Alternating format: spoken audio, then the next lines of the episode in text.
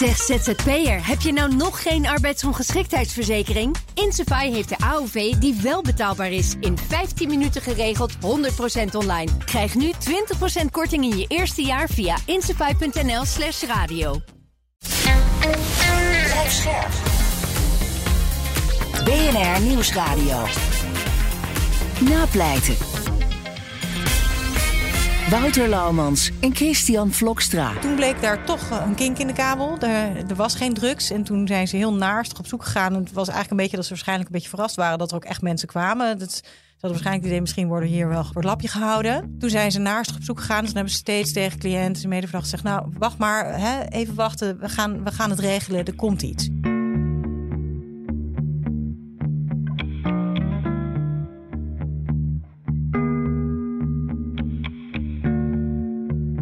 Hallo en welkom bij Napleiten, de podcast waarin we met advocaten en officieren van justitie praten over strafzaken die hen altijd zullen bijblijven. Mijn naam is Wouter Laumans en naast me zit strafpleiter Christian Vlokstra. Welkom Chris. Dankjewel Wouter.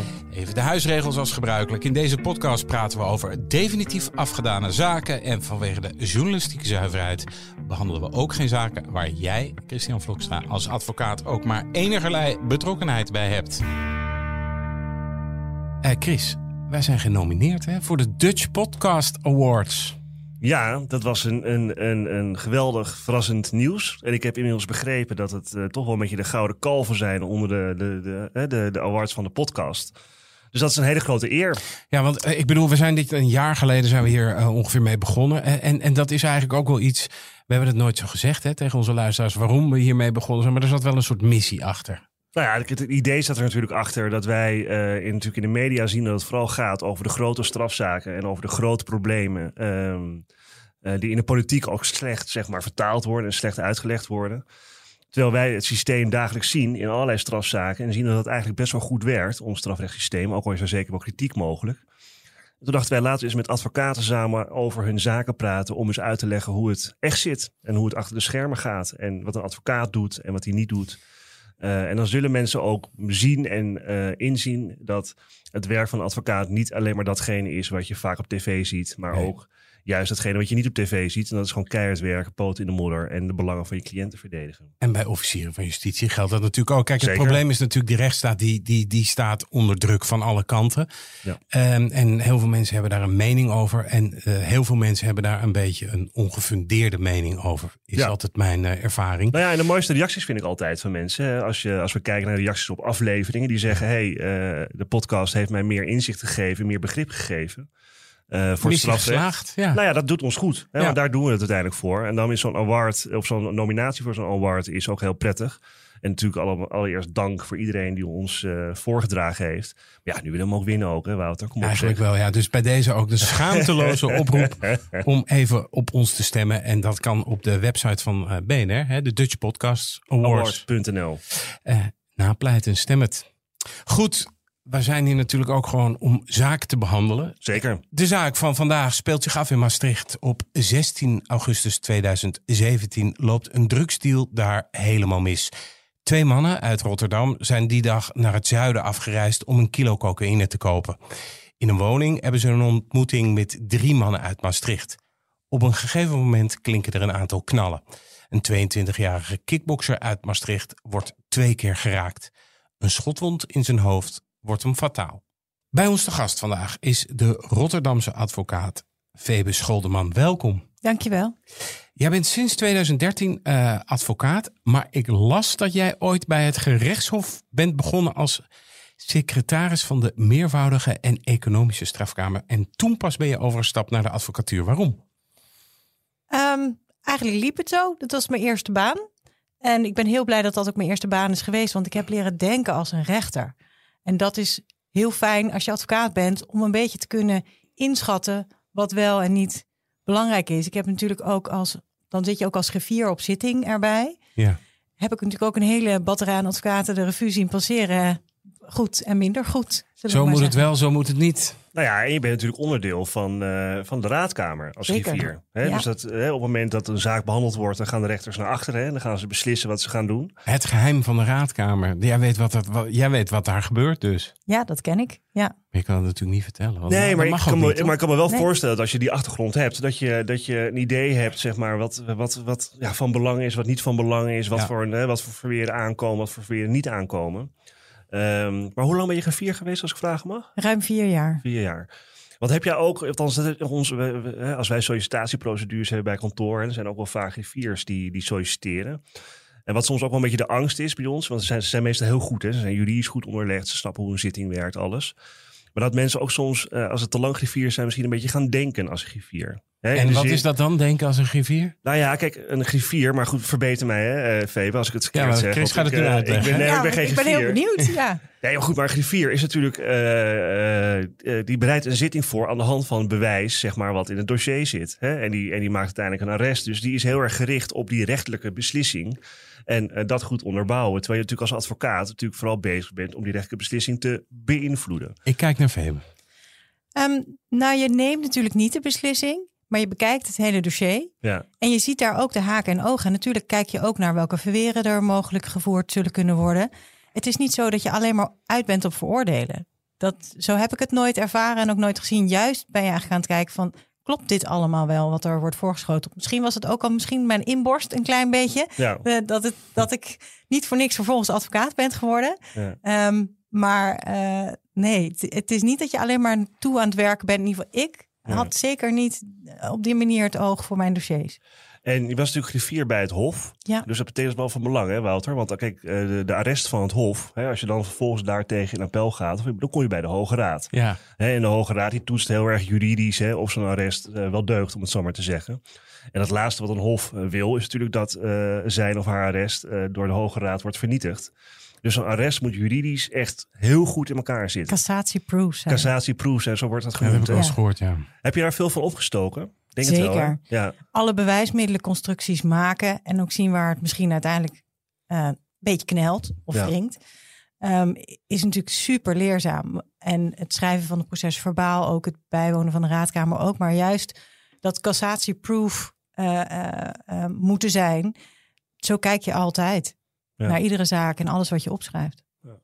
Heb je nou, ook- mag ik, ja, sorry, laatste vraag. hè? Ja. Zo, Het interesseert me dan. Heb je zelf ook overwogen om, om zelf cassaties te doen? Of doe je die eigenlijk ook? Dat Nee, ik doe geen cassaties. Nee, Nee. nee. Nee, ik, ik vind de feitenpraktijk eigenlijk het, het past me meer. Ik moet wel zeggen, ik, ik, ik zou het wel leuk vinden, maar het is moeilijk combineren. Dat zul je waarschijnlijk ook wel kunnen beamen. Dat het Ja. niet echt Ja, een praktijk is die je combineert met de feitenpraktijk. Er zijn collega's die dat wel doen, maar ik zie niet hoe ik mijn praktijk nog ook met zo'n praktijk zou, eh, zou kunnen combineren. Ik zou dat heel ingewikkeld vinden. Ik zeg niet dat ik het niet leuk zou vinden om het misschien ooit op te gaan pakken. Ja. We gaan naar de zaak, eh Febe. Ehm, hoe kwam die bij jou terecht? De, de zaak waarbij eh, dus een soort drugsdeal uit de, uit de hand loopt in Maastricht... en waarbij er een dode valt. Hoe is die bij jou terechtgekomen? De cliënt belde mij vanuit de PI. Ehm, ik heb niet helemaal dus vanaf het begin de zaak eh, gedaan. Hij had eigenlijk een andere advocaat en om zijn moverende reden wilde hij een andere advocaat. En nou ja, zo is hij uiteindelijk, eh, heeft hij mijn naam eh, gekregen op een of andere manier. Eigenlijk Reclame ik- in de baaiers. Ongetwijfeld. Zo werkt het natuurlijk wel een beetje als mensen op zoek gaan naar een andere advocaat. Dat ze een beetje gaan rondvragen van weet jij een goede of hoe, hoe bevalt jouw advocaat? Ehm, en, en ik had daar cliënten, dus daar eh, ik- via die weg is hij bij mij gekomen. Oké, en dan ga jij bij hem eh, op bezoek, neem ik aan. Van dan maak je een afspraak. Of, eh, hoe, wer- hoe werkt dat eigenlijk? Dat je, wat, wa- hoe gaat dat dan, dat wisselen van een advocaat? Bel jij dan die, zijn oude advocaat van Ja. zeg... hey, ik heb hem, eh, je klant overgenomen en stuur mij eens die stuk. Of hoe werkt dat? Nou, je moet toestemming vragen eigenlijk aan de advocaat. Je moet eerst de advocaat inlichten. Ik mag niet zomaar bij een, een, iemand langs in die in de baaiers zit met... hallo, jij wil graag dat ik jouw advocaat ben. Dan moet ik altijd, dat zijn de, de advocaatregels, de onderlinge eh, afspraken... dan neem je eerst contact op met de advocaat. Ehm, en mijn stelregel is altijd, ik bel even. Dan, nou ja, dat vind ik wel zo netjes. In plaats van alleen maar mailtje sturen met... eh, tot mij heeft zich gewend eh, meneer die en die... en die wil graag dat ik hem bijsta. Dat heb ik... eh, dus stuur mij het dossier alsjeblieft. Dat vind ik gewoon, Oh, dat gebeurt ook. dat gebeurt ook. Ehm, ik ben eigenlijk altijd van, van, van de manier dat ik zeg van nou, ik ga eerst even bellen. Eh, kijk, als er heel veel spoed achter zit, als het heel kort termijnwerk is, als er twee dagen later een raadkamer is en krijg je iemand niet te pakken, dan stuur ik wel natuurlijk een mail met, nou, Mhm. dat is de reden dat, waarom ik je probeerde te bellen. Eh, maar je, je stuurt dus een, eh, of je belt even en dan zeg je van, goh, ja, hij heeft, hij heeft verzocht mijn zaak over te nemen. Mag ik, mag ik het dossier? Ben je het daarmee eens? En over het algemeen zegt, zeggen collega's dan, nou, ik wil het graag even van mezelf horen. Ehm, dus dan zeggen ze, nou, zorg dat hij mij even belt of ik zal contact met hem opnemen. Of ze zeggen, ik wil per se eerst langs. En ja, dan is altijd de vraag of jij er ook naartoe mag. Nou, dat, eh, eh, Dat is ook af en toe gewoon gedoe. Ach, joh, Zeker. hetzelfde volgens mij is het hier in het Amsterdamse iets meer gedoe dan in, in, in, de, in de rest van Nederland. Oh, ik zie Chris, die, kijkt, die zit te grinniken en te- ja, het grappige is, ik heb klantjes ik heb- pikken. Nee, ik heb er dus zelf helemaal geen last van. Oh. Eh, op een of andere manier. Maar kijk, je moet maar eens naar de, de, de Raad van Discipline gaan. Naar die uitspraak van het Tuchtrecht overname perikelen. Er gebeuren in die overnamepraktijk, of de overnamepraktijk, maar zeg maar in de praktijk van het overnemen van zaken, in strafzaken, gebeuren heel veel dingen, wordt heel veel ruzie gemaakt, eh, ontstaat heel veel irritatie. Ehm, en daarom is het precies wat, eh wat, wat Febe zegt. Ik ben dus ook zo opgevoed door, eh, door Gerard Hamer, nog bij Kleren Hamer, die ook tegen, tegen mij zei: als je een zaak overneemt, bel. Want als je belt, dan dat, hè, dat, dat maakt het zachter. Hè? Ik bedoel, je kunt Ja, gewoon ja. overleggen. En op het moment dat je een harde mail stuurt, dan raken mensen geïrriteerd. En dan krijg je allemaal gedoetjes. Ehm, maar ik heb zelf nooit echt een extreme problemen gehad met, met het overnemen van zaken. En als mensen, kijk, als iemand, als mijn cliënt bij mij weg wil, hè, en, en ja, dan wil hij bij mij weg, weet je. En soms is het vaak na, na vonnis, hè, dat het een keer tegenvalt dat mensen weg willen. Maar het komt mij ook niet zo heel vaak voor, moet je heel eerlijk zeggen. Maar het is, het is een, soms een, eh, een oorlogsgebied hoor, absoluut. Goed, Ja. Jij bent bij hem eh, langs gegaan, bij deze jongen, die was 23. Ehm, wat vertelde hij jou? Hoe, hoe, ging die eerste ontmoeting? Want je kent elkaar dan niet, hè? Hij belt je van, hé hey joh, ik heb eh, jouw naam doorgekregen. Nou ja, jij gaat dat dan regelen met zijn eh, toenmalige advocaat, dat is geregeld. En dan kom je bij hem langs in de spreekkamer van een PI. Ja, nou, zijn advocaat maakte er niet heel, veel- heel veel gedoe van. Dus ik kreeg dossier. En dan, als ik daar naartoe ga, dan zorg ik altijd eerst wel dat ik een goede indruk heb van het dossier. Want anders praat het heel lastig van, goh, hè, wat vertel je mij? Maar ook om een inschatting te maken van je nieuwe cliënt. Want die moet je ook leren kennen. Ehm, Mag ik even en- een kleine tussenvraag ja. stellen? In welk, in welk stadium eh, nam je die zaak over? Weet je dat nog?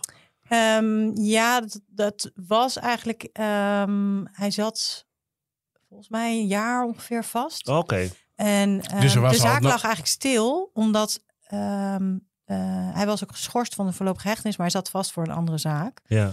Ehm, dus de zaak lag eigenlijk een beetje stil. ja. dat was, maar- was eigenlijk een beetje de situatie. Maar er was dus wel al het nodige in die zaak gebeurd toen jij daar. eh, Hij bij- had al een verklaring afgelegd, dus die keuze die had hij ook zonder mij gemaakt met zijn vorige advocaat eh, eh, eh, gemaakt.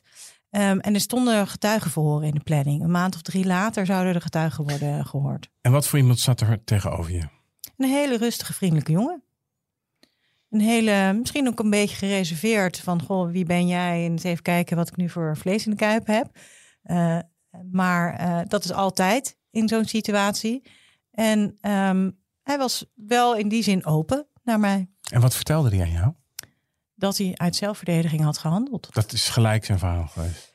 Ja, kijk, je, ik heb dat natuurlijk al gelezen, want ik had zijn verklaring natuurlijk al wel gelezen op dat moment. Dus ik wist al een beetje hoe die erin zat. En ja, je, je gaat eerst eigenlijk een beetje praten over hè, hoe, hoe staat het ervoor? Wat kun je van mij verwachten?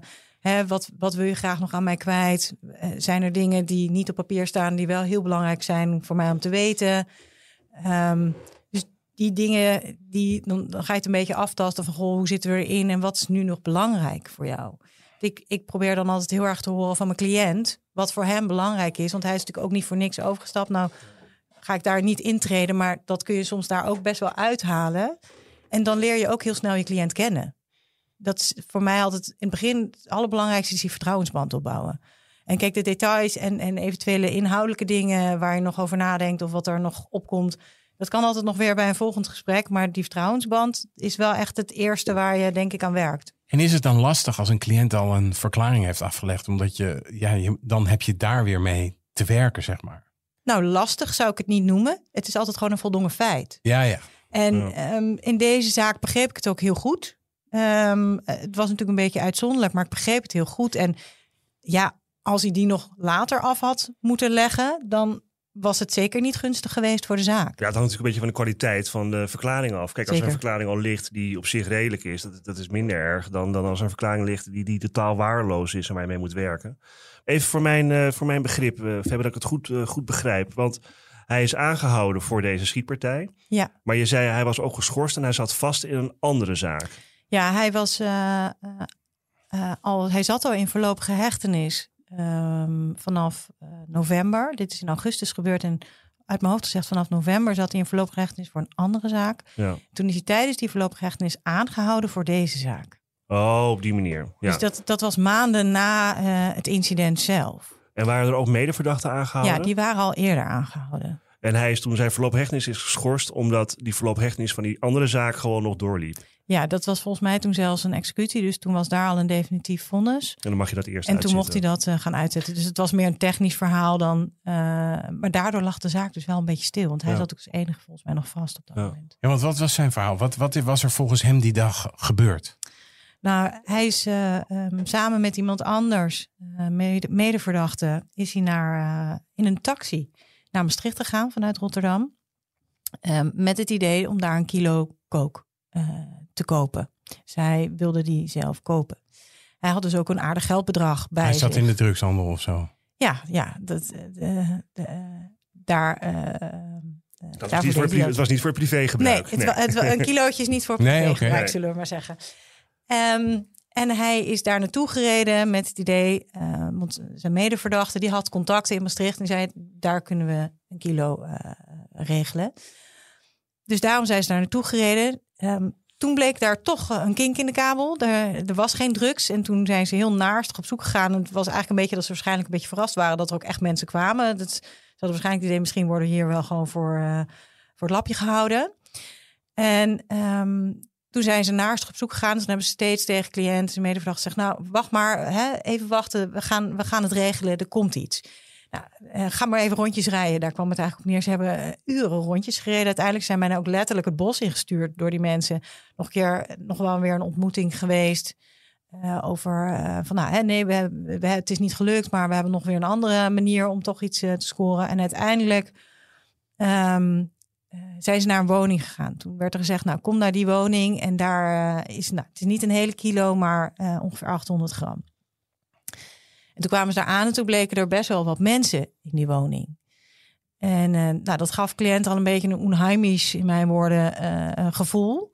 Van ja, wat, wat gebeurt hier allemaal? En toen heeft uiteindelijk zijn medeverdachte heeft gezegd... ja, ik ga niet daar naar binnen als daar vijf man binnen staat. Dat, dat is gewoon alleen nog getalsmatig. Plus, ja, je, zoiets doe je niet en plein publiek. Je, moeten er Nee. vijf toeschouwers eh, bij zitten. En ik heb altijd laten vertellen dat er bij drugsdeals één gouden regel is.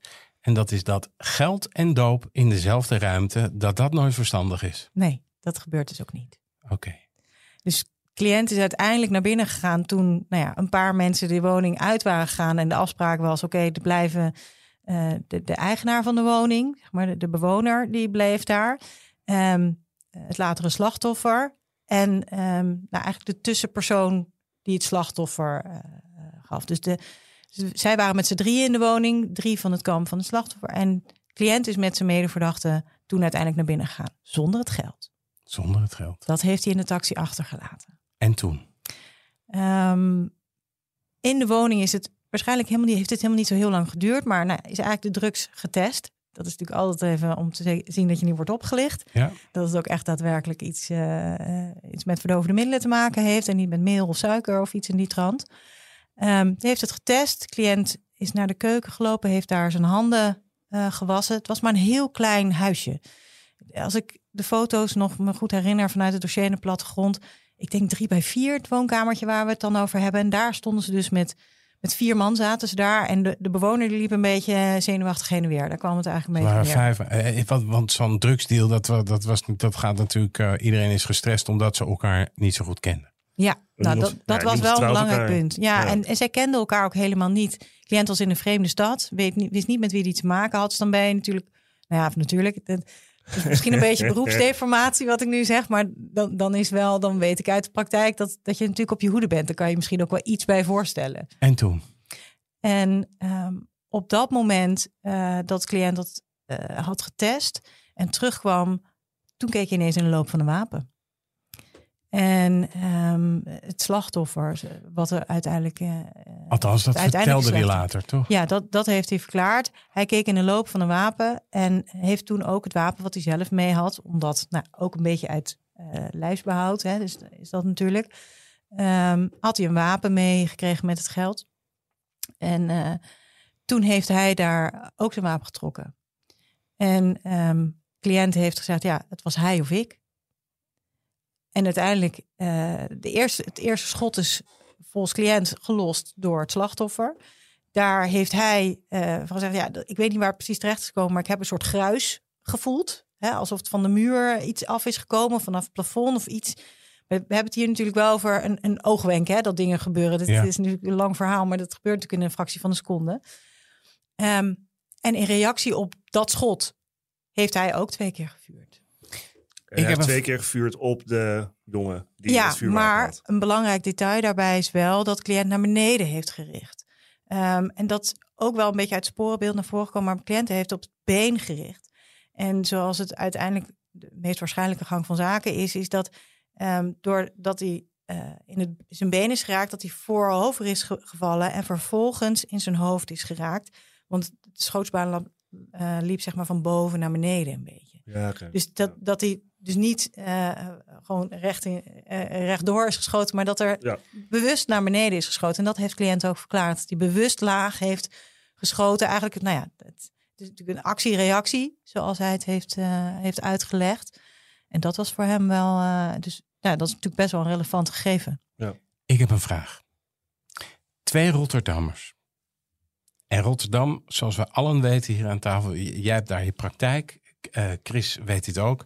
Dat is zo ongeveer waar alle kook van Nederland binnenkomt op Antwerpen na. Twee Rotterdammers die helemaal naar Maastricht gaan om een kilo drugs te kopen. En er is toch genoeg drugs in Rotterdam, zou je bijna zeggen.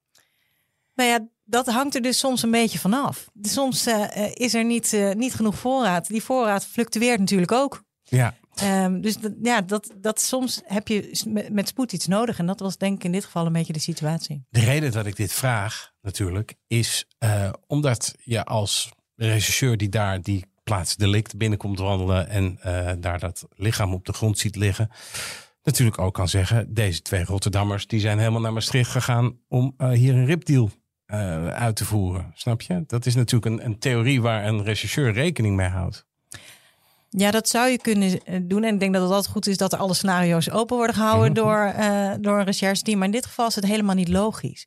In dit geval was het helemaal niet logisch, want er zijn allerlei sporen achtergelaten. Je gaat met een witte taxi, het was een, gewoon echt een officiële taxi, uh, zijn ze daar naartoe gereden met plaatsbepalingsapparatuur uh, erin. Um, nou, je hebt dan natuurlijk alle ook, nou ja, opsporingsmiddelen die er zijn, van kentekenregistratie en dergelijke. Nou, dan, je kon hem van, van, van A tot Z volgen, is in dat geval.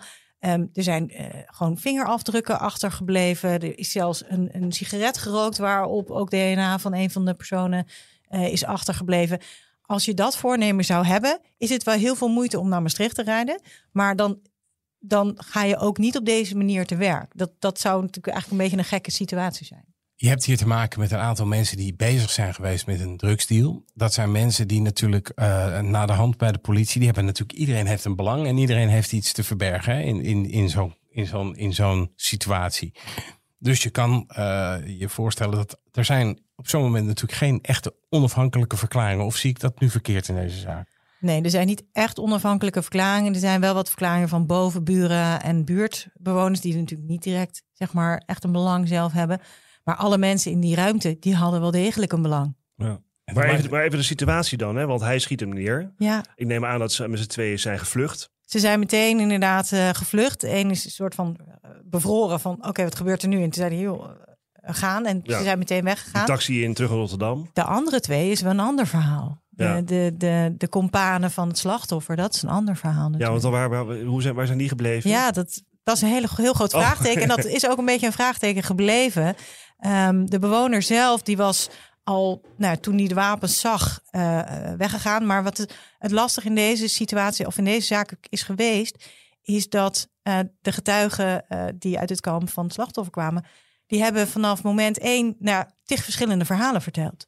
Die hebben niet het achterste van hun tong laten zien. Nee. En, en de tegenstrijdigheden die daar waren, waren ook echt zo overduidelijk dat ook zelfs de rechtbank dat heeft gezegd van ja, daar kun je niet zomaar van uitgaan wat hier wordt gezegd door deze mensen. Dat heeft ook de politie best wel belemmerd.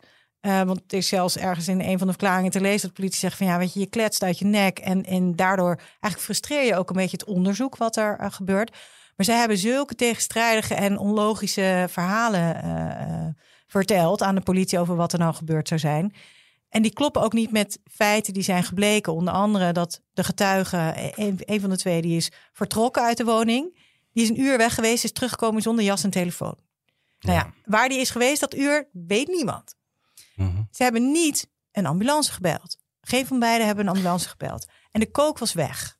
Laat dat even helder zijn aan het eind. De kook was weg. Hey, hadden zij dus de twee uh, uh, mensen die met de, het slachtoffer in, de, in, die, in die, dat huisje waren, hebben zij gezegd, joh, uh, onze maat die trok inderdaad een wapen? Nee, een van de twee heeft wel gezegd, hij had een wapen bij zich. Toen ik, hè, dat heb ik gezien, dat zat in zijn broeksband. Maar ze, en die ander heeft gezegd, nee, hij heeft helemaal geen wapen gehad, niks gezien, nooit, nooit geweest. Um, maar die ene heeft dat wel gezegd, hij had een wapen in zijn broeksband. Um, en dat heeft hij ook mij duidelijk laten zien. Dat heeft ook de rest gezien. Tijdens het voorbereiden hè, van deze zaak, Chris, moest ik de hele tijd denken aan een verhaal wat ik ooit geschreven heb. In, dat ging over een ripdeal in Hoge Zwaluwen. Dat was op een vakantiepark. Oh, jezus, ja. En dat was ook een, een verschrikkelijke schietpartij in een vakantiehuis uh, was dat geweest. En daar is de rechtbank eindeloos bezig geweest met te reconstrueren wat daar gebeurd precies gebeurd was in zo'n uh, in, in dat vakantiehuisje. Dat was hier natuurlijk ook. Het, wat was het sporenbeeld? Um, ze hadden natuurlijk alleen het sporenbeeld rond het slachtoffer. Um, en uh, nou, die hebben ze aangetroffen in een plas bloed. Uh, zijn kleding is veiliggesteld. Ze hebben um, schietdeeltjes, nou, dat zijn A en B deeltjes. de schietdeeltjes hebben ze op zijn jas en op zijn handen en of op zijn huid, moet ik correcter zeggen. Um, en op zijn broek aangetroffen. En dat is eigenlijk. Ze hebben ook een heleboel nou ja, onderzocht of er uh, nou, sporen van kook waren. En uh, wit, witte stof die daar overal lag, of daar wel of niet kook in zat. Ze hebben ook de taxi, die is als eerste aangehouden, de taxichauffeur. Um, die hebben ze uitgebreid onderzocht op was daar kook aanwezig, ja of nee. Dus dat zijn eigenlijk een beetje de, de technische dingen. En ze hebben natuurlijk het, het slachtoffer, het, nou ja, het. Hoeveel kogels zijn er in dat huisje teruggevonden? Er zijn twee kogels uh, aangetroffen, of uh, twee hulzen en een, een, een, kogelpunt, zoals dat heet. En in het lichaam zat ook nog één kogel. Dus die twee zijn aangetroffen. En uit wiens wapen waren die afkomstig? Het wapen wat erbij hoort is nooit uh, getraceerd. Maar daarvan heeft cliënt verklaard, die zijn uit mijn wapen afkomstig. Oké. Okay. En cliënt heeft nu gezegd, er is nog een keer geschoten. Of eigenlijk is eerst door hem geschoten. Maar het was heel duidelijk, wat ook is verklaard door een van die getuigen, is dat het een revolver was. En daar heb je natuurlijk geen hulzen. Dan heb je alleen de kogel. Um, want hij omschreef het zelfs als een Clint Eastwood uh, wapen. Kanon. Ja. En, een grote revolver zoals die van Dirty Harry. Ja, dat las ik ja, terug. ja, ja, dat was echt heel mooi. Uh, maar goed, die, dus die omschrijving was heel concreet. En nou ja, dan heb je dus natuurlijk ook geen hulzen. Cliënt heeft natuurlijk ook verklaard uiteindelijk over nou ja, dat gruis wat hij heeft gevoeld. Um, hij heeft altijd in een veronderstelling geleefd. Ja, er is ergens een inslag moet er zijn. Maar een daar kogelpunt. Is, ja, er moet ergens in de muur of in het plafond of iets een kogelpunt zijn. Of het was een losse vlodder. Want ook wanneer je met natuurlijk een losse vlodder schiet, komt er wel wat. Want je hebt natuurlijk wel de, de ontploffing. En komt er ook iets. En dat, ja, wat, wat het dan is, dat is natuurlijk de, de vraag. Maar dat, dat was onbekend. En wat Maar- verklaart nou eigenlijk de medeverdachte voor jouw cliënt? Dus waar zo'n compaan eigenlijk. Ja, die heeft ook verklaard. En die heeft ook gezegd dat er eerst is geschoten door die ander. Ja. Maar wacht even, daar moet ik wel één ding bij opmerken. Want ze, die, die verklaringen, eh, zowel jouw cliënt als de medeverdachte, die hebben alle twee op 9 april 2018 een, een verklaring eh, afgelegd. Eigenlijk op dezelfde, in dezelfde periode, toch? Of, of wisselde dat? Ja, dat is, ja, ik ben er natuurlijk zelf niet helemaal bij betrokken geweest. Nee. Ik kwam later in de zaak. Maar ik heb begrepen dat het inderdaad in dezelfde periode is geweest. Wat ik wel weet, en dat, dat eh, staat ook in het dossier, is dat het verzoek van cliënt om een verklaring af te, te leggen. Hè, het, dat zijn advocaat contact heeft opgenomen met het rechercheteam van haar, of met de officier, dat weet ik even niet in dit geval. Eh, maar dat er contact is gezocht van, joh, hij wil graag eh, zijn kant van het verhaal vertellen. Dat is wel veel eerder geweest. Chris, Ja. dat raakt aan een heikel punt. Hè? Eh, het Openbaar Ministerie zegt wel eens van... eh, joh, er worden verklaringen op elkaar afgestemd. Ja. Ehm, dat, is, dat is ingewikkeld. Die beschuldiging is, is makkelijk gemaakt. Eh, is het iets wat gebeurt? Nou ja, kijk, het, is, kijk, het, het heeft niet zoveel zin om een verklaring af te leggen waar de verdenking eh, op zit dat het met elkaar afgestemd is. Hè? Want, dus, want dan is de waarde van je verklaring is er, eh, is er een stuk minder. Ik bedoel, wat dat betreft eh, denken advocaten natuurlijk ook gewoon in efficiëntie. Ik bedoel, heeft het zin? Ja. Want uiteindelijk moet die rechtbank moet daar iets op van vinden. Ehm, kijk, ik, snap het wel vanuit het oogpunt van het Openbaar Ministerie. Maar het probleem is, zij kunnen het niet meer toetsen. Dus zij kunnen niet toetsen of het op elkaar afgestemd is. Maar dat geldt natuurlijk andersom ook. We hebben ook vaak getuigenverklaringen waarvan we eigenlijk slecht kunnen toetsen. Hè? eh, of, het, of, het, ja, eh, of het klopt ja of nee. Dus uiteindelijk gaat het erom dat op basis van het sporenbeeld... en op basis van de verklaringen... en op basis van de overtuiging van een rechter ter zitting... ja, wordt, wordt besloten van welk verhaal gaan we volgen, ja of nee. Ondertussen, eh, verklaring of, of niet, zit jij natuurlijk wel met een verhaal van een missing bullet. Hè? Om, het zo maar, eens- om, om het maar eens even in die terminologie eh, eh, te, te, Ja. te, te omschrijven. Jouw cliënt zegt, er is op mij geschoten. Nou, dat kan misschien een losse vlodder zijn. Eh, ja, en dan gaan sporen natuurlijk wel heel zwaar meetellen. Van, is er, zijn er sporen van die iets bewijzen wat jouw cliënt eh, beweert? Ja.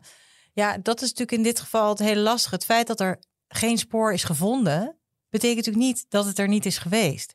Want er is ook niet meteen naar gezocht. En dat maakt het in deze zaak zo ingewikkeld. Weet je, als je het niet zoekt, dan vind je het ook in ieder geval niet.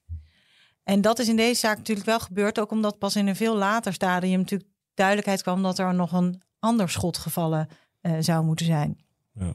Dus dat, ja, dat, dat heeft de boel wel belemmerd. Uiteindelijk, toen de verklaring is afgelegd, zijn ze wel teruggegaan naar de woning waar het allemaal is gebeurd. Die was inmiddels helemaal geschilderd en, en nou ja, de, de, de bewoner was vertrokken, zeg maar, en was weer helemaal opgeknapt.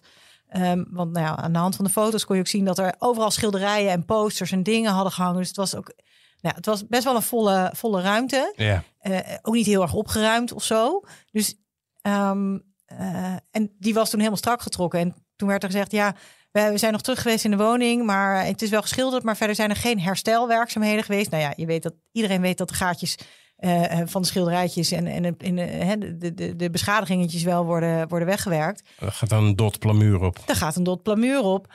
En, en een kogel hoeft niet zo heel groot te zijn. Een kogelinslag hoeft niet een enorme omvang te hebben. Dus dat, dat kan natuurlijk heel klein zijn wat daar is gebeurd. Ja. En die hele constatering eh, een half jaar na dato, of meer dan een half jaar na dato Dat zelfs, zegt niet zoveel. dat zegt helemaal niets. Maar welke scenario's stonden dan tegenover elkaar? Want het Openbaar Ministerie ging uit van een geplande ripdeal door jouw Ja. cliënten, zijn compaan. Ja, die heeft inderdaad eh, daarvoor gegaan. Dus het werd een soort van eh, moord, gekwalificeerde doodslagverdenking. Gekwalificeerde doodslag. ja, was kwali- het. ja, misschien is het wel goed om te vertellen. Wat Zal ik even? Ja, bel maar. Ja. Kijk, een gekwalificeerde doodslag is eigenlijk een, een, een doodslag die verricht wordt ten einde een ander strafbaar feit te kunnen, mogelijk kunnen maken. Bijvoorbeeld een beroving. En als je dan hè, daarmee dan een doodslag volgt, ja, dan is het een gekwalificeerde doodslag. Staat net als bij moord gewoon levenslang op. Dus het zijn serieuze, nou doodslag ook, maar dat zijn extra serieuze strafbare feiten. Ehm, en jouw cliënt heeft een noodweerverhaal. Ja.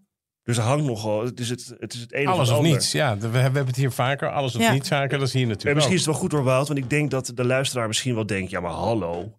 Dus jij gaat met een wapen op zak ga je een, een, een blok cocaïne kopen. En als het dan uit de hand loopt en hè, je gebruikt dat wapen, dan zou je nog een beroep op noodweer toekomen. Dat denkt niet alleen de luisteraar, dat denk ik ook.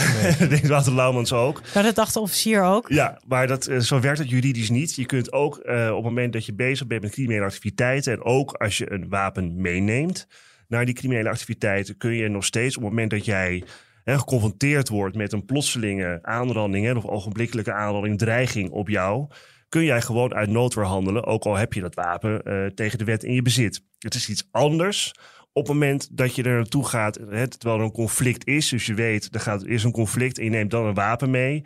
Ja, dan zeggen ze, je hebt jezelf, ja, je, je hebt de confrontatie gezocht en, je, Ja, ja. en dan, dan vervalt beroep op noodweer. ja. Maar je kunt hier gewoon, nou, er zijn wel ripdeals geweest, ripdealzaken geweest, waar mensen met een geslaagd beroep op noodweer eh, eh, nou, ermee wegkwamen, om het zo maar te Sterker zeggen. nog, de, volgens mij de schietpartij in Hoge Zwaluwe, daar wil ik... Nee, precies. Daar, is ook, daar zijn noodweerverweren gevoerd of Ja. noodweer-excessverweren. Die zijn volgens mij in ieder geval voor een deel zijn die geslaagd inderdaad. Mhm.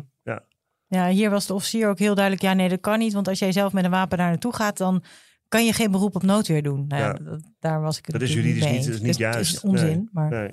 Ik snap wel, nou ja, goed. eh, Nee, ik snap dit- het ook wel. Dit eh, gepasseerd station inmiddels. Ehm, eh, wat was je strategie? Jij ging gewoon vol voor noodweer.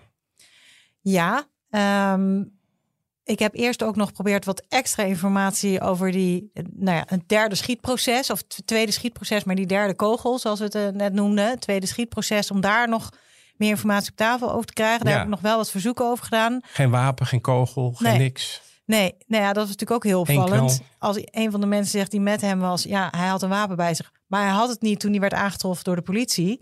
Is Zegt natuurlijk ook wel eigenlijk ook, wat, zegt, zegt natuurlijk ook wel wat in dit. Wat eh, zegt dat dan? Van, Nou ja, het slachtoffer had geen wapen. Terwijl een van de getuigen zegt, ik heb gezien dat hij een wapen in zijn broekspand had. Nee, maar het, het geeft ook aan dat de, zeg maar, het sporenbeeld wordt, wordt aangetroffen ter plekke, is niet het authentieke sporenbeeld. Nee, Hè, want op het moment, hè, het snap je natuurlijk ook wel, weet je, jij wil, jij wil 800 gram cocaïne verkopen of je wil iemand rippen, er ontstaat, hè, er ontstaat opeens consternatie, er gebeurt zoiets. Ja, iedereen maakt de sporen weg die voor hem zelf belastend zijn. Dus wat de politie uiteindelijk aantreft daar, is niet het sporenbeeld zoals, we dat, hebben, hè, zoals dat er was ten tijde van het delict zelf, zeg maar. ja. ja, dat is natuurlijk ook een beetje om het slachtoffer niet in een kwaad daglicht te stellen. Hè, weet je, dat als hij daar met een wapen zou worden aangetroffen, dan wordt er natuurlijk heel anders naar hem ook eh, Gekeken. gekeken.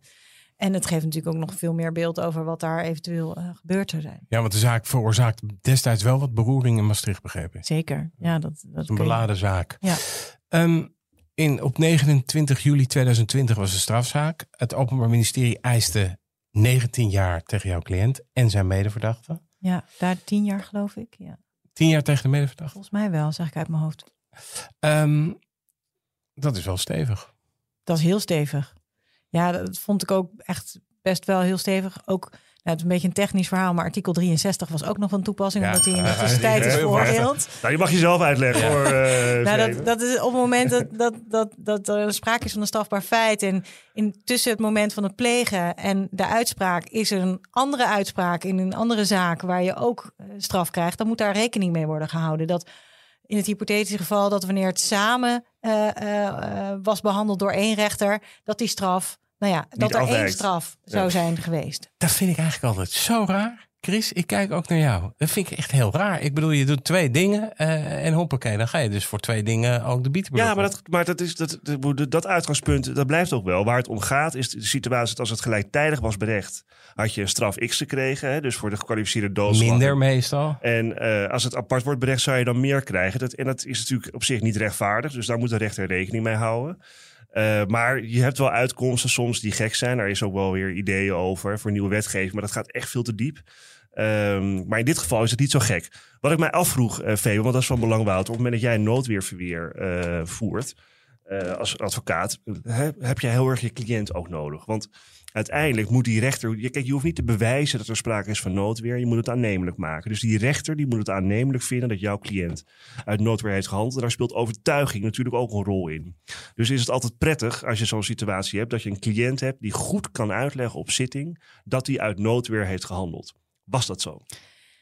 Ja, ehm, eh, het, het was niet voor hem de natuur om te verklaren. Nee. zal ik maar zeggen. Dat, dat hebben we natuurlijk vaker eh, met onze cliënten. Dat ze niet heel erg genegen zijn om, eh, om te gaan verklaren. Maar uiteindelijk kon hij wel heel helder vertellen. eh, het stond hem natuurlijk ook gewoon op zijn netvlies gebrand. Wat er was gebeurd. En ehm, ja, hij heeft, dat, hij heeft dat rustig en goed kunnen vertellen. Moet ik ook zeggen, dat, dat was ook wel een pluim voor de rechtbank. Want ik vond dat de rechtbank ook een hele prettige manier van communiceren had. En heel open stond. Je hebt soms dat je in een zaal komt en dan, nou ja, het, Je voelt de je negativiteit. voelt al de, ja. de negativiteit, inderdaad. Dat is inderdaad een mooie omschrijving.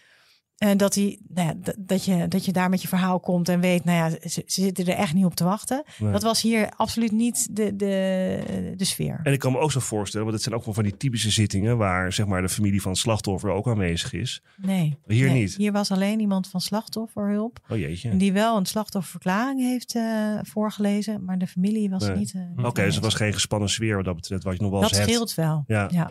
Maar had je ook het idee dat zijn verhaal dan echt aankwam bij die rechtbank? Of dacht je, nou, die rechtbank die hoort het gewoon mooi aan. Maar ze denken eigenlijk, eh, eh, het zal wel. Nee, ik had wel het idee dat ze in ieder geval ook echt geïnteresseerd waren in zijn verhaal. Kijk, het is altijd moeilijk peilen of ze er echt iets mee gaan doen. Maar ze waren wel geïnteresseerd in zijn verhaal. Ja. hij heeft daar wel echt goed zijn verhaal kunnen doen. En dat is denk ik alleen maar heel bevorderlijk. Dus voor de rechter ook, hè? want die, zo als rechter, die willen ook graag weten wat en hoe het nou zit. Dus het is voor iedereen een win-win. Ehm, maar dat, nee, daar, dat lukte gelukkig wel. En, uiteindelijk, hoewel natuurlijk ook voor hem, hij was heel spannend daarin volgens mij. Dat, zo staat het me in ieder geval bij. Dat hij, daar, uh, dat hij daar uiteindelijk goed uit zijn woorden is gekomen. Wat was uiteindelijk het vonnis? Twaalf jaar. En zijn medeverdachte? Vrijspraak. Zo. En hoe hebben ze het noodweerverweer afgewezen? De rechtbank, weet je dat nog? Ja, ze hebben het, ze hebben het eigenlijk gewoon niet aannemelijk geacht. Dat is altijd, hè, is, het, uh, is het wel aannemelijk, maar wat je hebt gedaan uh, disproportioneel? Of is het helemaal niet aannemelijk dat er een extra schietproces was? En ze hebben eigenlijk op basis gezegd van ja, er is geen kogelgat of kogel aangetroffen, dus er was geen derde kogel. Nee. Uh, dus dat tweede schietproces, daar is geen, geen reden. Het is niet aannemelijk dat dat op die manier heeft plaatsgevonden. En dan valt alles weg, hè? Want je ja. kunt alleen maar uit noodweer handelen of uit noodweer excess. Hè, op het moment dat er sprake is van een ogenblikkelijke dreigende aanranding op jou. Hè, dat was in dit geval natuurlijk het eerste schieten van het slachtoffer. Ja, als dat wegvalt, ja, dan, valt, dan, dan, valt, dan, valt, eigenlijk de grond onder je noodweerverweer valt, uh, valt dan maar weg. Nou ja, aan de andere kant kan je zelfs nog zeggen... ja, weet je, als jij bedreigd wordt, heb je ook een reden. Dan kan er nee, ook een noodweersituatie ja. ontstaan... maar dat was in dit geval niet... Nee, niet nee maar ook natuurlijk omdat hij zelf had verklaard is geschoten. Ja, ja, Dat, is dan, dat is dan de, de dreiging die, die, die er geweest is. Ja, als dat niet aangenomen wordt, dan ben je, ben je, ja, ben je klaar. Ja, ja, dat klopt. Ja. En toen? Toen gingen we in hoger beroep. Aha. En um, nou ja, goed, we hadden wel ook naar aanleiding van het vonnis, omdat nou, ik vond echt een heleboel af te dingen op het vonnis, juridisch. Uh, want we hadden ook uh, het, het, verweer gevoerd van hij heeft naar beneden geschoten. Hij heeft laag geschoten, bewust. Um, en daarmee is er geen opzet op de dood. Dan is er geen dodelijk potentieel, zeg maar. Dat is in onze terminologie.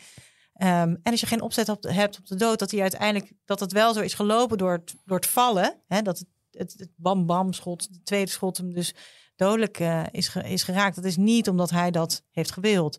Hij heeft het zelfs niet eens aanvaard. Die, die kans was niet aanmerkelijk. Um, maar uh, voor zover die dat wel was, dat is dan de juridische uh, vertaling ervan, heeft hij hem niet aanvaard.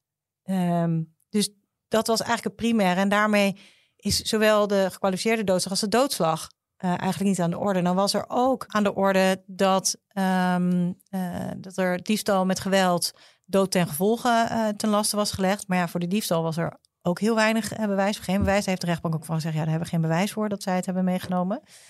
Um, maar dat, dat, is een beetje technisch verhaal daarachter. Maar dan is er geen opzet. Ja, dan zou je nog steeds wel diefstal met geweld met de dood ten gevolge kunnen hebben. Maar daar uh, was er ook geen, geen bewijs voor. En dan zou het betekenen integrale vrijspraak. En ik denk dat dat de rechtbank ook gewoon een beetje te ver zou gaan. Aha, en dus jij dacht, nou, dat, dat zetten we in hoger beroep dan mogelijk recht? Ja, ja, dat wilde ik in hoger beroep heel graag rechtzetten. Ook omdat ik het heel onterecht vond dat ze voor eigenlijk hadden gezegd van ja, we vinden niet aannemelijk dat er die, die derde kogel is, het tweede schietproces is. Um, want er waren wel degelijk aanwijzingen voor, alleen omdat getuigen daar ook over hadden verklaard. Ja. Dus het is niet alleen maar cliënt die daarover had verklaard, maar de, de getuige had ook gezegd, het waren er drie. Drie, drie keer bam. En dan komt nu de vraag, hoe ging het hoger beroep? Niet dat is uh, ingetrokken. En um, waarom? Dat had te maken met het feit dat er een nieuwe VI-regeling aankwam. Ja, eindelijk. De VI-regeling. Eindelijk over de ja, dit is een heikel punt bij Christian Vlokstra. De VI-regeling, nou ja, leg hem eens uit. Uh, kijk, bij alle advocaten. Bij alle, ja, en ook bij de rechterlijke macht. En ook ja. bij het Openbaar Ministerie. En ook bij de reclassering. Kijk, het is... Uh, we hadden ooit een VI-regeling die erop neerkwam hè, dat je uh, na twee derde van je straf uh, voorwaardelijk in vrijheid werd gesteld. En dan kon het Openbaar Ministerie daar een keur aan voorwaarden aan verbinden. Hè, van, van, van toezicht tot, nou, noem het maar op. En in de volksmond was dat, joh, je hoeft maar twee derde van je straf uit te zitten. Ja. Het, het Nederlandse rechtssysteem is slap als was. Ja, maar wat mensen daar, daarbij vaak vergaten is dat zeg maar dat derde deel wat je dan niet uitzit, dat blijft wel boven je hoofd hangen. Uh, en dat kan soms natuurlijk heel fors zijn, zeker bij, uh, bij zware gevangenisstraffen. Een soort incentive. En het geeft, ja, en het geeft ook de overheid de gelegenheid om, om die controle te houden gedurende een langere periode over een, uh, iemand en een veroordeelde die een lange gevangenisstraf heeft gekregen. Nou, toen kregen we als minister voor rechtsbescherming in het vorige kabinet kregen we de heer Sander Dekker. En Sander Dekker Um, uh, die vond, zoals we bij, over meer strafrechtelijke onderwerpen, dat het niet viel uit te leggen aan de samenleving. Hè, dat je na twee derde van je straf zou vrijkomen. Ehm, Eigenlijk, eh, ja, sorry dat ik, ik ga nu even een zij, zij, zij ja, de cirkel is. Ja. Ja, nou, dat is een van de redenen Ja. waarom we eigenlijk ook deze podcast ooit zijn begonnen. Maar ga verder. En toen heeft eh, hij bedacht, nou, die, hè, de- die VI-regeling moet helemaal op de schop. Die moet veel beperkter. En die uiteindelijk op neergekomen is dat je nog maar maximaal twee jaar VI hebt. Eh, nou, iedereen was tegen. Hè, dus niet alleen de advocatuur, maar ook de rechterlijke macht, de reclassering, Openbaar Ministerie, Raad van State. Iedereen was tegen. Maar wat gebeurde onder Sander Dekker? Als iedereen tegen was, dan werd de wet ingevoerd. Dat is ook zo gebeurd. En die wet is ingevoerd per 1 juli 2021. Ehm, maar waarbij ook nog eens een keer is bepaald dat zeg maar, in lopende zaken, dus zaken die al in eerste aanleg waren afgedaan, zoals de zaak van Febe, hè, want die is op 20 2 september 2020 bij de rechtbank afgedaan, of zaken die überhaupt nog liepen, dat de nieuwe wet gewoon ook voor die zaken gold. Dat betekende dus dat je in het geval van Febe, dat je eh, in hoger beroep in een ander mogelijk VI-regime terecht zou komen. Wat in dit geval, nou ja, reken het zelf maar uit. Ja. Eh, Ik kijk even naar Febe. Dus in dit geval was het dus zo. Jouw cliënt, jouw cliënt is veroordeeld tot 12 jaar. Dat is onder de oude VI-regel. Dus met goed gedrag. Acht jaar zitten. En vier jaar VI. En nu? Wat zou het nu betekenen? Als hij bij het Hof dezelfde straf zou hebben gekregen na, en dat, dat was nou, de enige mogelijkheid na dus de invoering van de wet, dan had hij maximaal twee jaar VI gekregen. Dus tien jaar zitten. Dat Dat had- scheelt dus twee jaar netto zitten. ja. Ja. Maar goed, er hing natuurlijk ook boven de markt dat op het moment dat je in hoog beroep gaat, dan ligt alles weer voor. Dus ook de discussie of het gekwalificeerde doodslag is. En gekwalificeerde doodslag, daar zijn de straffen veel hoger voor. Dat strafmaximum is dan 30 jaar in plaats van 15. En dat betekent dan dus in het, e- als je onder de oude VI-regel eh 30 jaar eh, had gekregen, dan betekent het 20 jaar zitten en 10 jaar eh, eh, VI. Ja. En nu betekent dat zo 28 jaar zitten. 28 jaar zitten. Dat scheelt 8 jaar. Dat is echt substantie- substantieel. Ja. Ja. En dat leidt er dus toe, in wel meer zaken, dat hoge beroepen niet worden doorgezet. Ja. Omdat je bang, omdat zeg maar, de, de, ja, de risicoafweging is dan zo van ja, goed, mogelijk hè, komen we tot een lagere straf. Maar ja, zo niet. Eh, dan zit je in de oude VI eh, of in de nieuwe VI-regeling en dan ben je dubbel het haasje. Eh, en dan kunnen de afwegingen dus zijn dat je dat hoge beroep maar intrekt. Ja, nou, dat was hier ook het enorme risico, want de eis was natuurlijk 19 jaar. Ja. Dus als je dan nagaat hoe weinig VI je dan overhoudt als dat in hoger beroep zou worden uitgesproken, of nee, dan is dat twee jaar, dan is, krijg je gewoon het dubbele, meer Ja. dan het dubbele. Wat ik daar zo gek aan vind. Ik heb namelijk altijd geleerd dat eh, als je bijvoorbeeld bij he- hele oude cold cases, hè, oude moordzaken, eh, dat die nog onder het eh, re- recht worden afgedaan, worden gold. afgedaan wat toen gold. En dat is hier dus niet zo. Nou, eh, dat wel. De strafmaximum, het strafmaximum is wel eh, hetzelfde als ten tijde van het plegen van het feit. Maar de VI-regel is van ten tijde van het opleggen van de straf. En daar loopt het scheef.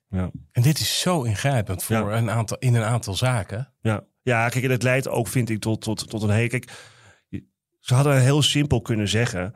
Weet je, alle feiten die gepleegd zijn voor 1 juli 2021... Die gaan nog gewoon volgens de oude VI-regeling. En alle feiten die gepleegd worden na 1 juli 2021... los van dat het een waarloze wet is, daar in het geval. Maar goed, daar geldt dan een nieuwe VI-regeling voor. Ja. Maar nu ga je dus een factor inbrengen in lopende strafzaken... die leidt tot andere afwegingen. En daarom is het wat mij betreft oneigenlijk wat, wat Sander Dekker heeft gedaan. Maar goed, dat is gewoon eh, eh, hoe het bewind toen er tijd was. Ehm, eh, maar het is, ja, het is, kijk, die, en die hele VI-regeling, want zeker bij jongens die lang dus zitten, dus 20 jaar krijgen. Kijk, als jij 21 jaar kreeg, dan zat je dus normaal gesproken, zat je 14. 14, 14 jaar, had je 7 jaar VI. Maar nu moet je 19 jaar zitten. Nou, geloof mij maar, veel van die gasten zullen zeggen, doe die twee jaar extra ook nog maar. Maakt niet meer uit. Er is dus geen, er is dus geen eh, ja, incentive. Geen toezicht meer. Ja, maar er is ook geen incentive meer op een soort met van je netjes gedragen in de bias. Geen voortgezet, want daar Nee. gaat het nu natuurlijk de hele tijd over in de pers. Voortgezet crimineel handelen vanuit de gevangenis. Er is geen, er is geen stok achter de deur meer Nee. waarom je zegt, joh, gedraag je nou in de gevangenis, want anders zit je langer. Ja, maar als jij 19 jaar moet zitten, weet je, dan denk ik, kan, kan je die twee jaar, kun, kan je ook niet meer zoveel schelen. Dus ja, dat, dan, dan krijg je dus dat, dat gaat, het gaat grote gevolgen hebben, denk ik, in de Ja. komende jaren. Is dat ook jouw, eh, jouw overtuiging? Jazeker. Ja, het, en je hoort het ook zeg maar wel. Mensen zeggen, ja, maar waarom? Ja, voor die twee jaar hoef ik het niet te doen. Dat, dat, dat is niet zeg maar waarvoor je eh, eh, gaat werken. Kijk, niemand wil te lang zitten. Laat dat buiten kijf staan. Maar het, het effect is ook dat het toezicht en het reïntegreren. Want als jij 19 jaar hebt vastgezeten, dan is de wereld echt heel erg anders. Ja, ga maar terugdenken. Nu 19 jaar geleden is 2003. Ja, Nou, toen had je nog even WhatsApp, Facebook, geen iPhone. Had- Ja, ik bedoel, je kan er nog wel even doorgaan. ja nou ja, ik, ik heb ook een cliënt waar, eh, die, die inderdaad echt heel lang heeft vastgezeten. Nu eh, wel met VI is. En die inderdaad naar buiten komen en zei, ja, ik had nog wel een Nokiaatje toen ik eh, naar binnen ging. Maar de iPhone die heb ik niet meer meegemaakt. Ja. Zeg maar alle, alle apps. Dus die, gewoon, gewoon om even heel concreet te Ja. zien van ja, dat, dat, dat Ja, is een dat had ik nog- tijdmachine. had ik nog Ja. nooit meegemaakt. Eh, dus nee, dan moest, moest hij allemaal gaan leren, zeg maar. Maar de, de, de periode van VI is niet soort van lang leven lol, je loopt lekker buiten, niks aan de hand. Dat is echt gemonitord met heel veel voorwaarden, stapje voor stapje, ook weer je weg vinden in de maatschappij.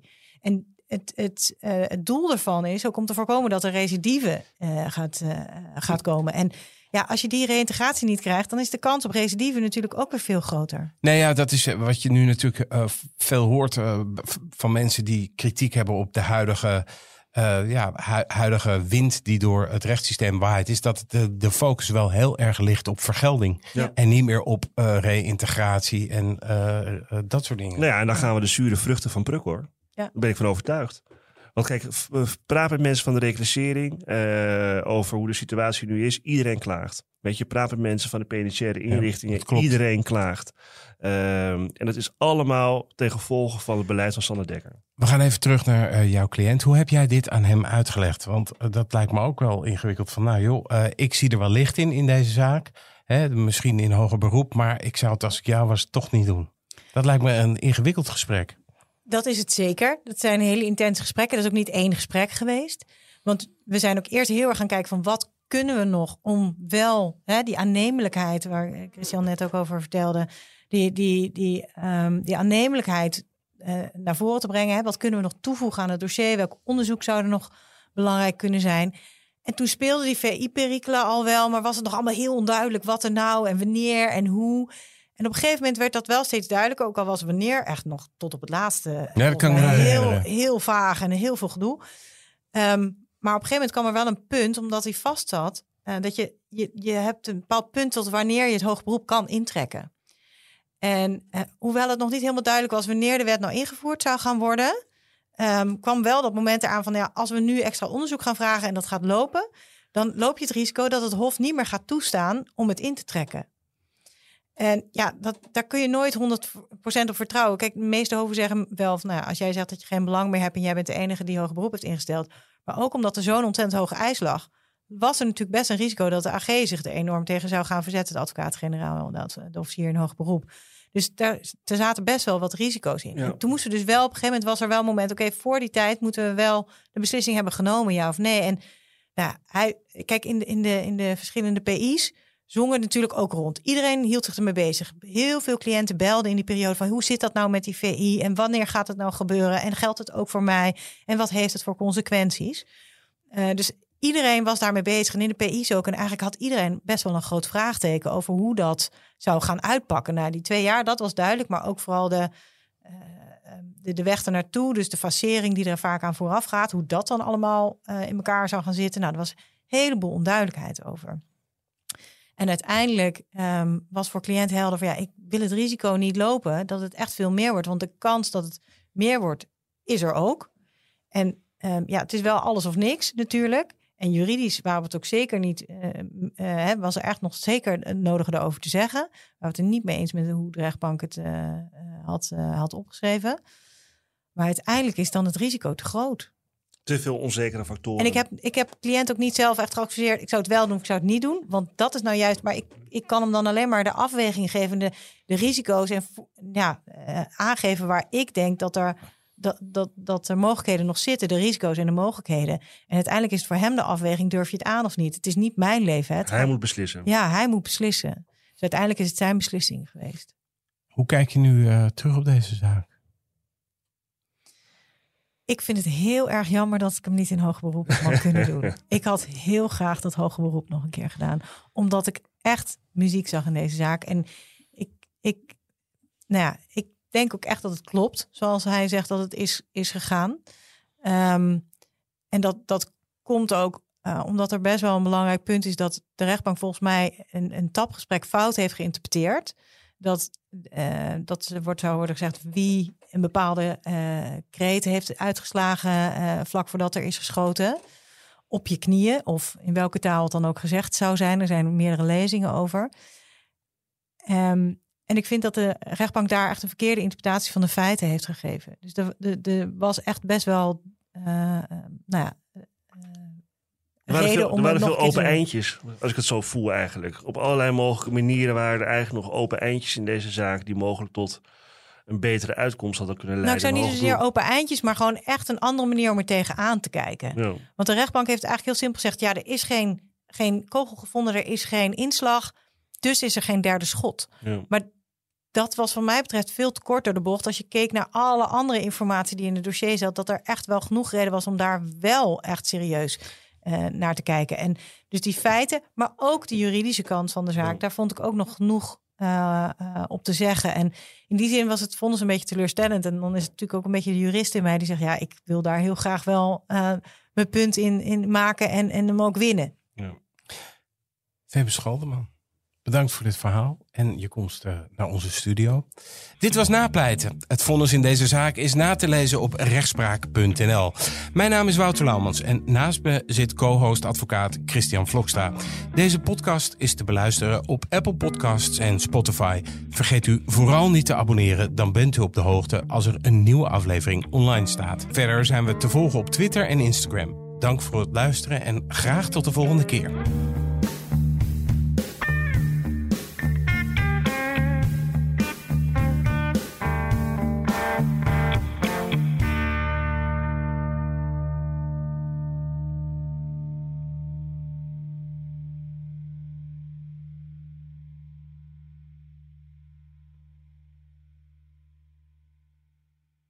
Zeg ZZP'er, heb je nou nog geen arbeidsongeschiktheidsverzekering? Insafai heeft de AOV die wel betaalbaar is. In 15 minuten geregeld, 100% online. Krijg nu 20% korting in je eerste jaar via insafai.nl slash radio.